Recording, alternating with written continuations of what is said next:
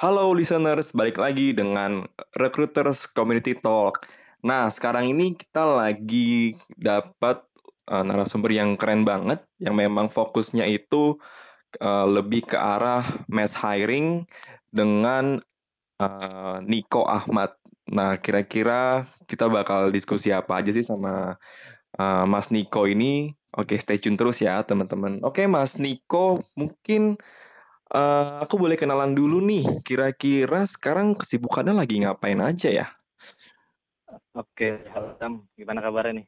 Baik, baik, baik. Kabar baik, baik. Saat ini masih sibuk kerja aja sih nih ya. Uh, karena uh, kita aktivitas ya emang sebagian besar untuk kerja ya untuk mm.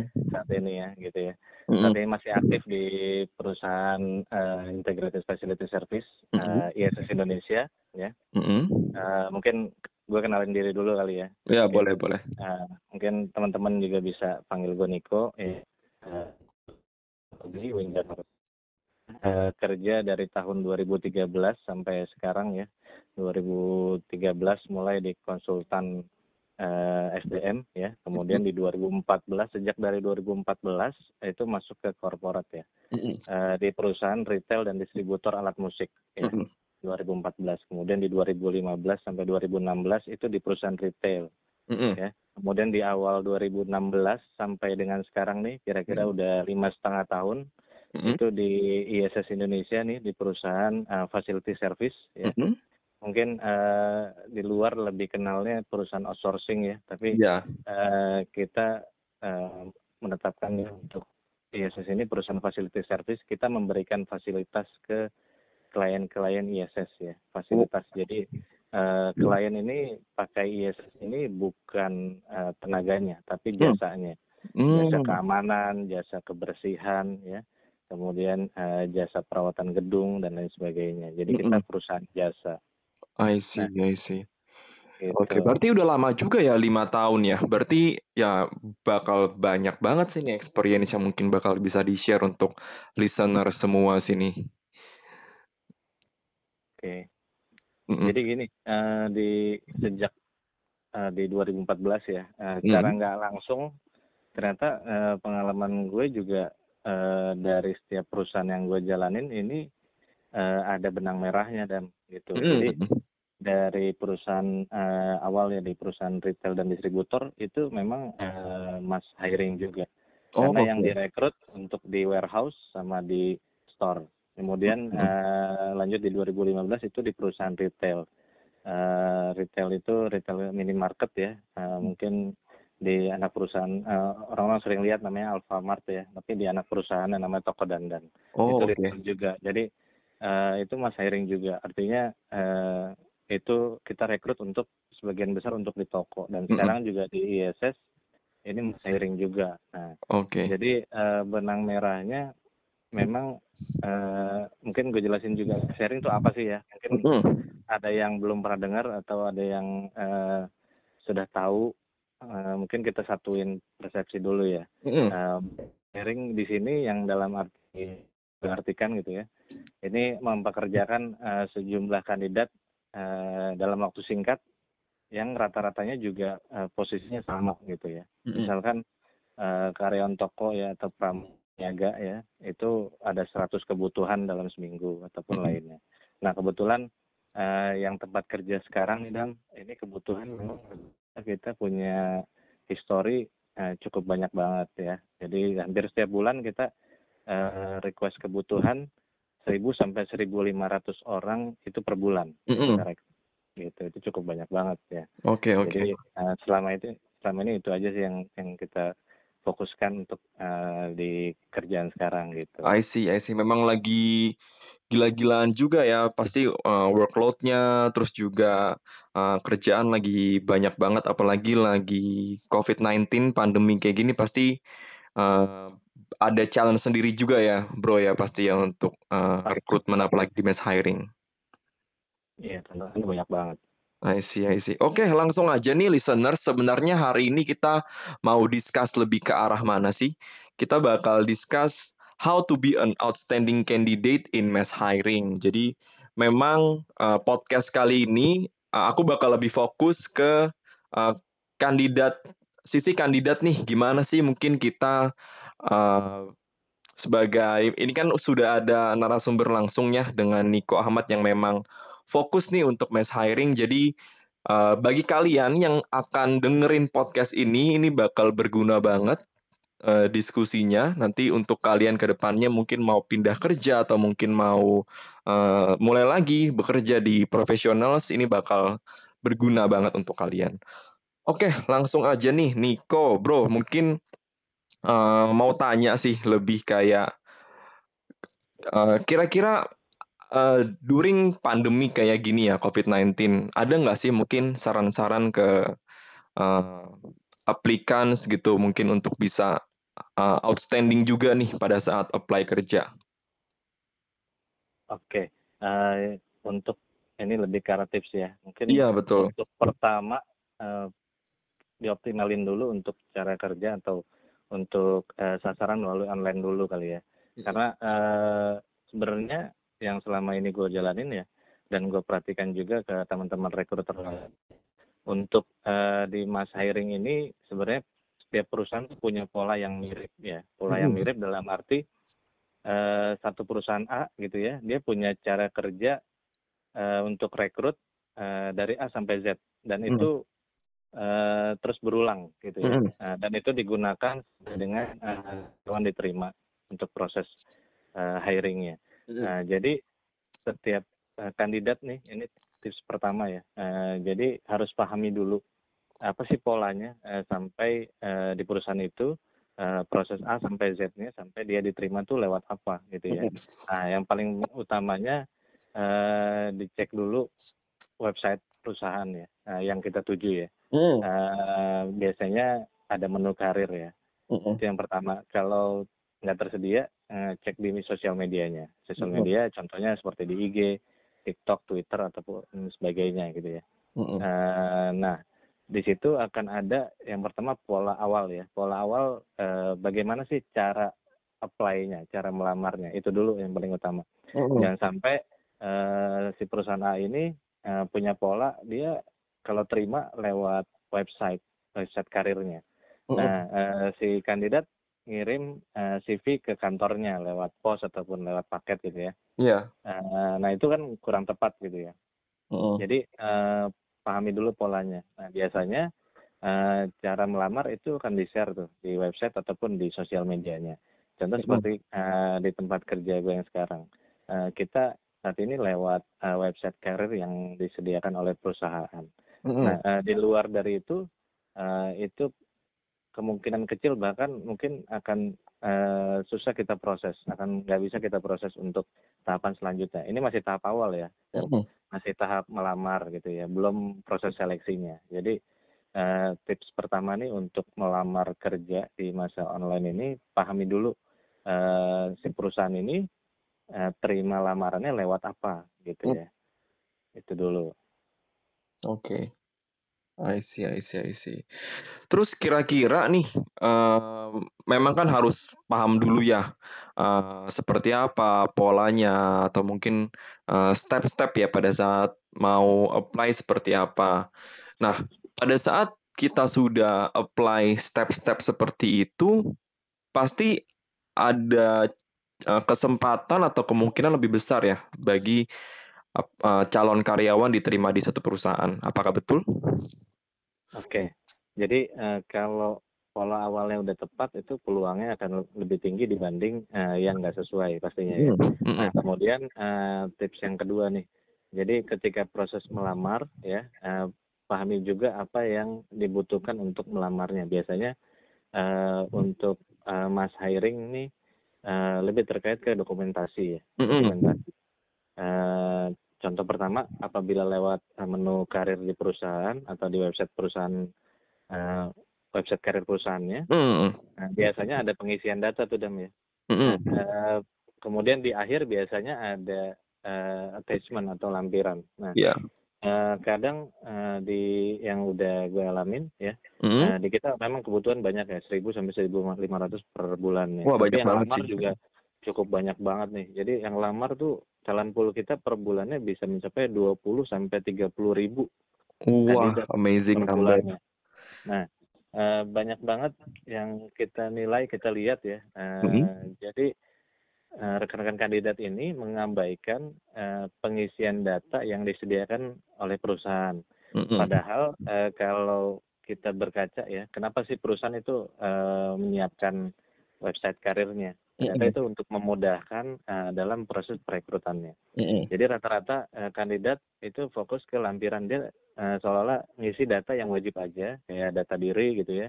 Mm-hmm. Uh, kemudian uh, lampirin CV dia, itu udah beres. Padahal ada pengisian lain, contohnya pengisian uh, pengalaman kerja gitu ya, mm-hmm. yang diabaikan pengisian uh, data keluarga ya, ataupun mm-hmm. pengisian lainnya. Nah itu uh, karena kalau kita sebagai recruiter kita nggak akan bisa cek ya ya nggak mungkin mm -hmm.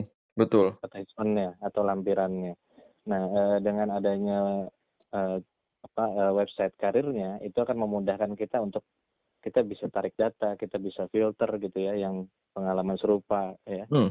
itu memudahkan dari sisi rekruternya sehingga uh, tips selanjutnya jadi apabila ada pengisian dari perusahaan, isi ya selengkap-lengkapnya, sejelas-jelasnya. Mm-hmm. Supaya dari sisi rekruternya pun bisa lebih mudah untuk screening uh, data yang diisi dari kandidatnya, gitu. Oke oke oke.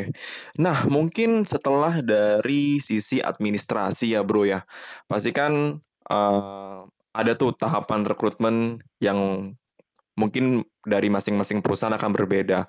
Kalau dari pengalaman uh, lu sendiri nih bro, mungkin kira-kira tips buat para kandidat setelah melewati uh, dari tahapan administrasi apa sih yang paling penting untuk para kandidat? Oke, uh, kalau udah melamar uh, nantinya kalau mereka dapat kesempatan berarti akan ikut proses seleksinya gitu ya Dam ya? Betul betul. Nah, uh, pada saat proses seleksi uh, di beberapa perusahaan mungkin saat ini masih uh, banyak juga yang masih online gitu ya. Mm. Eh sorry, yang offline. Uh, oh, tapi okay. lebih mm. besar sekarang banyak yang online. Nah, uh, tipsnya apabila memang uh, diundang secara online, ya ikutin tertibnya ya, mm. tertibnya. Betul. Uh, biasanya uh, untuk di uh, untuk lowongan yang di mass hiring ya itu kan pastinya masal ya mm. masal artinya uh, berarti undangannya itu nggak dikirim ke pribadi ataupun ke satu persatu gitu ya mm. itu akan dikirim ke uh, bisa puluhan orang ataupun ratusan orang dalam satu waktu nah sehingga dari sisi kandidatnya pun harus baca dengan teliti apa yang uh, tertera di undangan proses seleksinya atau di undangan di interviewnya. Mm -hmm. Misalkan uh, tata tertib pakaiannya ataupun nanti uh, cek juga kameranya kalau memang interviewnya online ya. Mm. Uh, cek juga ruangan yang digunakan ya.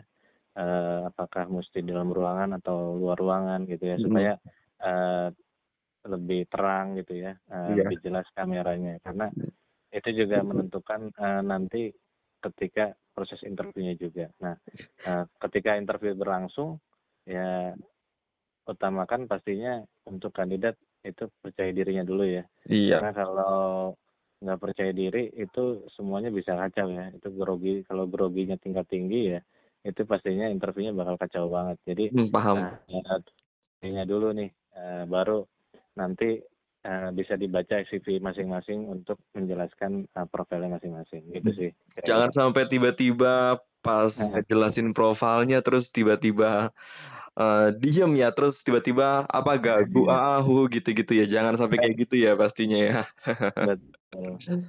terus juga kalau misalnya lagi interview jangan lagi di warung ya pastinya mendingan di kamar atau mungkin di rumah yang memang apa bisa fokus gitu kan ya iya betul jangan jangan sampai di, uh, di rumah pun pada saat interview itu sampaikan juga ke keluarga pasti ya supaya juga bisa paham, bisa tahu uh, waktunya kapan interviewnya. Jadi keluarga yang lain juga ngerti gitu ya. Jadi Betul. mungkin di kamar jangan sampai diganggu ya. Nanti ada yang ngetok-ngetok atau gimana itu kan uh, konsentrasi juga ya. Gitu. Betul, betul, betul, betul. Oke. Nah, sebenarnya kan memang uh, banyak mungkin orang uh, bingung kali ya. Nah, setelah sudah interview online, terus kira-kira kelanjutannya dari rekrutmen prosesnya seperti apa gitu. Mungkin boleh nggak sih dijelasin lagi nih, Bro? Oke, jadi ini terkait prosesnya ya setelah seleksi. Mm Uh, setiap perusahaan pastinya nggak semua sempurna ya. Mungkin untuk uh, ini masih terkait. Oke, ini sebenarnya gue sebut uh, problem klasik gitu ya Dam ya. Mm. Uh, nggak sekarang doang ya, tapi dari dulu nih banyak banget uh, di sosmed ya khususnya. Uh, habis interview nggak ada kabar ataupun uh, habis seleksi apa pun itu psikotes nggak ada kabar ya. Mm. Ini sebenarnya problem klasik ya. Maksudnya semua perusahaan pasti nggak ada yang sempurna ya. Nah, mm. eh, tinggal bagaimana menyikapinya dari sisi kandidatnya. Nah, jadi eh, kalau dari perusahaan itu akan melanjutkan prosesnya itu pasti dihubungi. Mm. Ya, itu dulu yang paling utama yang harus dipahami oleh kandidat. Artinya kalau misalkan nggak ada kabar ya eh, jangan um, apa sebutnya ya jangan mengutuk perusahaannya gitu ya. Mm. jadi uh, kita juga ambil sikap yang baik juga ambil sikap yang positif juga. Ya kita cuma lama itu aja. Jadi harus uh, tempat lain juga kita harus berusaha juga. Sehingga uh, peluang kita pun juga akan lebih tinggi untuk diterima di dalam satu perusahaan. Karena uh, di dari kalau dari sisi perusahaannya nggak semua fasilitasnya itu bisa uh, memenuhi keinginan kandidat gitu. Mm. Contohnya habis interview nggak semuanya perusahaan bisa infoin yang nggak lulus ataupun yang masih pending ataupun lainnya mm. karena uh, fasilitas yang terbatas. Mungkin ada beberapa yang udah canggih ya, yang udah mungkin pakai uh, apa ETS gitu ya, ataupun mm. uh, pakai website karir yang udah punya teknologi canggih itu bisa yang nggak lulus uh, bisa kita secara massal kita infokan lewat email ataupun lewat WA ataupun uh, bisa cek di selection stage uh, pada saat rekan-rekan juga login di website karirnya. Tapi nggak semuanya bisa seperti itu. Jadi uh, untuk tipsnya ya memang ini bukan masalah di satu perusahaan aja, tapi uh, banyak banget yang udah uh, yang yang terjadi secara realnya perusahaan itu memang nggak semuanya fasilitasnya mendukung untuk hal itu. Apabila apalagi uh, ini mas hiring ya yang dihubungin nggak satu dua orang ya tapi hmm. ratusan ataupun mungkin ribuan per bulannya yang diproses. Gitu sih betul betul. Ya ngerti banget sih mungkin karena memang uh, uh, banyak banget mungkin pasti workload dari satu recruiter terus juga mungkin masih menunggu feedback ya mungkin dari user atau mungkin masih butuh waktu untuk uh, prosesnya itu ya seharusnya memang uh, membutuhkan waktu yang lebih banyak sih. Oke, itu kan mungkin uh, dari sisi apa uh, recruiter. Sebenarnya kalau misalkan dari sisi kandidat, mungkin dari kandidatnya itu mau kirim email gitu ya, follow up. Itu kira-kira dari segi uh, HR atau recruiter uh, memperbolehkan nggak sih? Kalau kirim email, uh, emailnya berarti kan alamat emailnya sudah diketahui oleh kandidat ya, ataupun uh, dia akan dia pernah dapat dari uh, satu informasi ya. Betul. Uh, kalau kirim email itu sah-sah aja ya, uh, cuma memang uh, harus dipahami juga biasanya uh, untuk email yang uh, secara umum bukan pribadi, contohnya misalkan rekrutmen at PT ABC gitu ya, mm -hmm. uh, itu biasanya kan itu menampung banyak uh, mas email masuk ya. Betul. Jadi nggak semuanya uh, dari sisi rekruter juga sama nih. Yang tadi yang udah kita jelasin. Nggak semuanya bisa bales untuk emailnya karena di situ pastinya banyak juga yang kirim CV ya. Mm-hmm. Nah, ini balik lagi ke uh, yang tadi tips yang pertama tuh dan. Jadi polanya seperti apa dulu? Kalau misalkan dari pola perusahaan dia uh, cara melamarnya lewat email, uh, berarti itu sah sah aja ya. Mm-hmm. Tapi kalau lewat website karir, ya itu biasanya bisa cek tuh uh, selection stage-nya udah sampai mana gitu ya.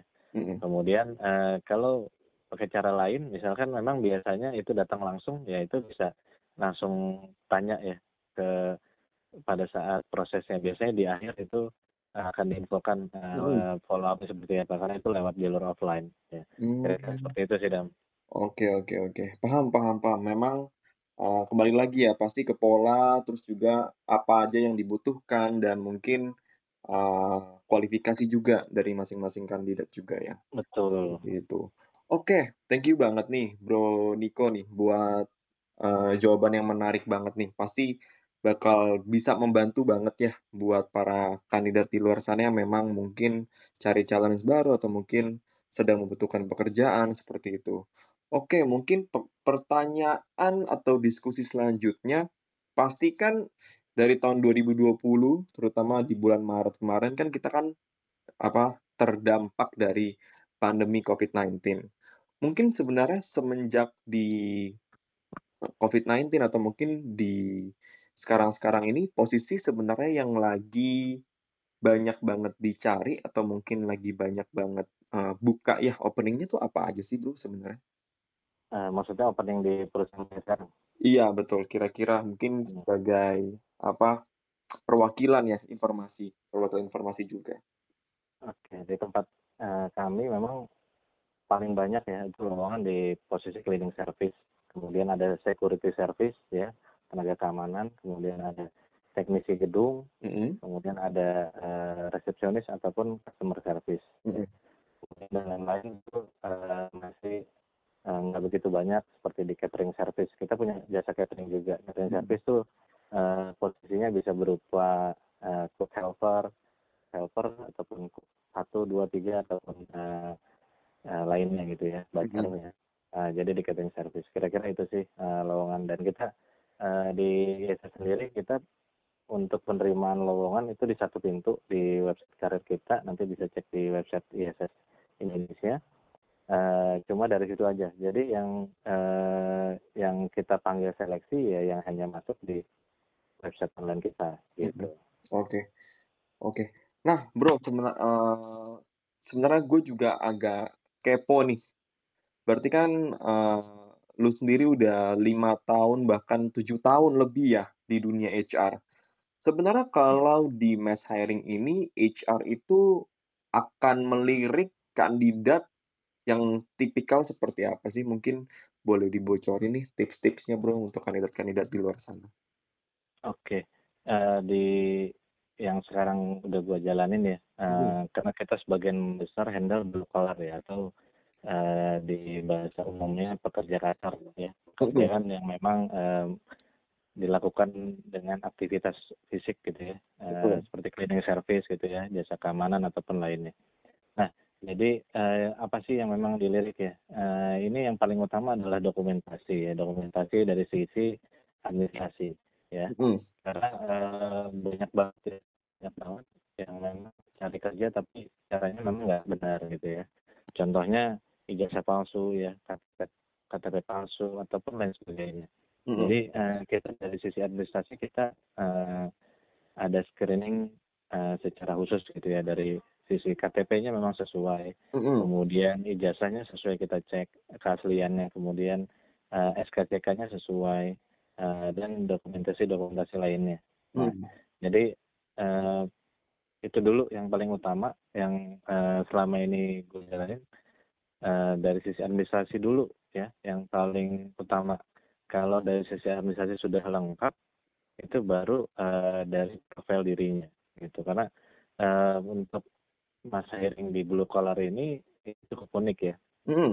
jadi uniknya uh, secara data di Badan Pusat Statistik ya uh, Badan Pusat Statistik mm -hmm. pengangguran itu paling banyak di tingkat SMA nih dan SMA sederajat mm -hmm. gitu ya. Uh, padahal lowongan yang lulusan SMA pun cukup banyak gitu ya dan itu setiap hari uh, gue yakin ada gitu ya di tersebar ya lowongannya. Nah itu uh, ini kan jadi uh, gap gitu ya atau ada problem gitu ya. Nah jadi untuk tipsnya ya supaya dilirik ya dokumentasinya harus jelas dulu ya. Dokumentasi administrasinya CV-nya harus jelas juga gitu ya. Dan jadi nggak sekedar uh, walaupun lewat online nggak sekedar cuma CV-nya di print atau ditulis gitu ya di jepret foto jadi scan kirim email ya nah itu jadi ya, dipahami juga uh, apa sih yang dibutuhin dari perusahaan yang dikirim apa aja sih gitu. Kalau di kita sih cukup lengkap gitu dan.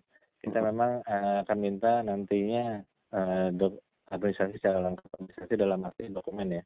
Uh, dari mulai KTP, uh, foto, surat lamaran, riwayat hidup, kemudian ada SKCK, ijazah, transkrip nilai, sampai dengan data data-data pendukung lainnya. Itu kita uh, akan minta secara lengkap gitu sih.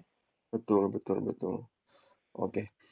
Terus sebenarnya mungkin pertanyaan selanjutnya lebih ke pada saat sikap interview ya, Bro Niko ya. Sebenarnya yeah. kalau misalnya uh, kandidat sampai terlambat, contoh untuk datang interview, itu sebenarnya ada nggak sih kemungkinan dari sisi kandidat masih akan diterima? Atau mungkin uh, uh, informasi lain nih terkait sikap seperti apa sih yang harus ditonjolkan dari kandidat agar bisa uh, bagus terus di mata HR? Oke, kalau untuk di mass hiring ini uh, disiplin memang harus ya, nah, karena uh, setiap hari kalau untuk proses seleksi pastinya yang di interview nggak cuma dia aja gitu ya. Betul. Jadi kalau dia terlambat, ya itu akan mundur semua uh, timeline ataupun uh, schedule yang sudah dibuat oleh rekruternya. Jadi mm. paling utama ya pastinya on time ya, on time. Uh, yang ada ada alasan khusus itu bukan uh, berarti memang kita harus nggak terima, uh, bukan berarti begitu sih. Mm-hmm. Tapi kita lihat juga kualifikasinya juga dan alasannya apa gitu ya. Betul. Uh, kita sebagai rekruter juga harus objektif lah ya. Betul. Objektif uh, dalam arti ya kita lihat juga situasi kondisinya mereka juga gitu sih paling. Terus mungkin ada tips-tips sikap apa saja sih yang harus ditonjolkan pada saat interview? Oke, kalau pada saat interview uh, biasanya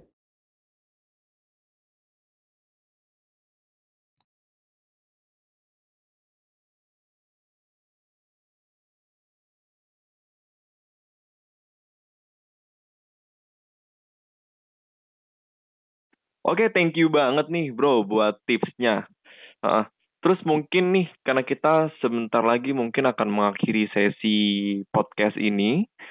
Uh, mungkin apa sih tips-tips terakhir bagi para kandidat di luar sana biar semakin lancar nih untuk rekrutmen proses? Oke, okay, uh, thank you juga Adam nih udah luangin waktunya ya untuk ngobrol di sini. Nah, mm -hmm. jadi uh, mungkin tips terakhir ya, uh, yang paling pertama uh, untuk kandidat ya itu tetap mm -hmm. semangat untuk cari kerja ya mm -hmm. uh, dan persiapin diri ya kemudian untuk cari lowongannya nggak usah jauh-jauh dulu ya jauh-jauh dalam arti uh, kita mau A mau B mau C ya tapi lihat dulu di sekeliling kita dulu ya Betul. Sekeliling kita ada ada perusahaan apa sih ya uh, di dekat-dekat sekitaran kita atau yang sering kita lihat atau yang kita tahu tuh ada perusahaan apa sih ya yang itu dulu Nah mm -hmm. dari situ uh, kita bisa eksplor di online. Ya. Mm -hmm.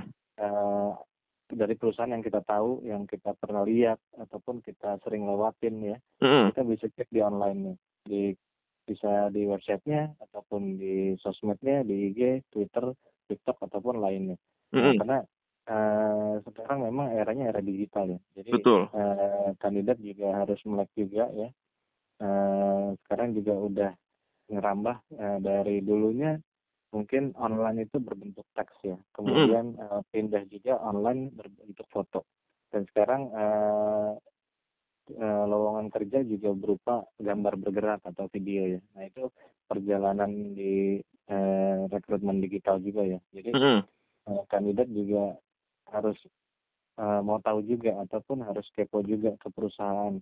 Karena ya, sekarang uh, sosmed yang bergerak udah cukup banyak ya, ya seperti Gerels atau betul betul. di TikTok ya ataupun di YouTube ya. Jadi eh, nggak uh, usah jauh-jauh dulu. Uh, lihat aja sekeliling dulu. Uh, ada perusahaan apa sih ataupun yang sering kita dengar yang sering kita lihat ataupun yang kita tahu. Betul. Uh, dari situ kita cari informasi lowongan itu dulu sih. Oke okay. oke. Okay. paham paham bro oke okay, thank you banget bro Niko pasti uh, semua informasi yang disampaikan sebelumnya akan bermanfaat banget sih untuk kandidat-kandidat di luar sana. Yang memang sekarang ini uh, semakin sulit ya, uh, secara jujur memang untuk mendapatkan pekerjaan untuk beberapa posisi. Oke, okay. oke, okay, thank you banget, uh, Bro Niko. Kita mungkin uh, bakal lanjut kali ya, mungkin selanjutnya di beberapa tema atau topik dari Recruiters Community Talk selanjutnya. Oke, okay, untuk para listeners, thank you banget buat waktunya udah dengerin podcast dari Recruiters Community Talk. Uh, see you.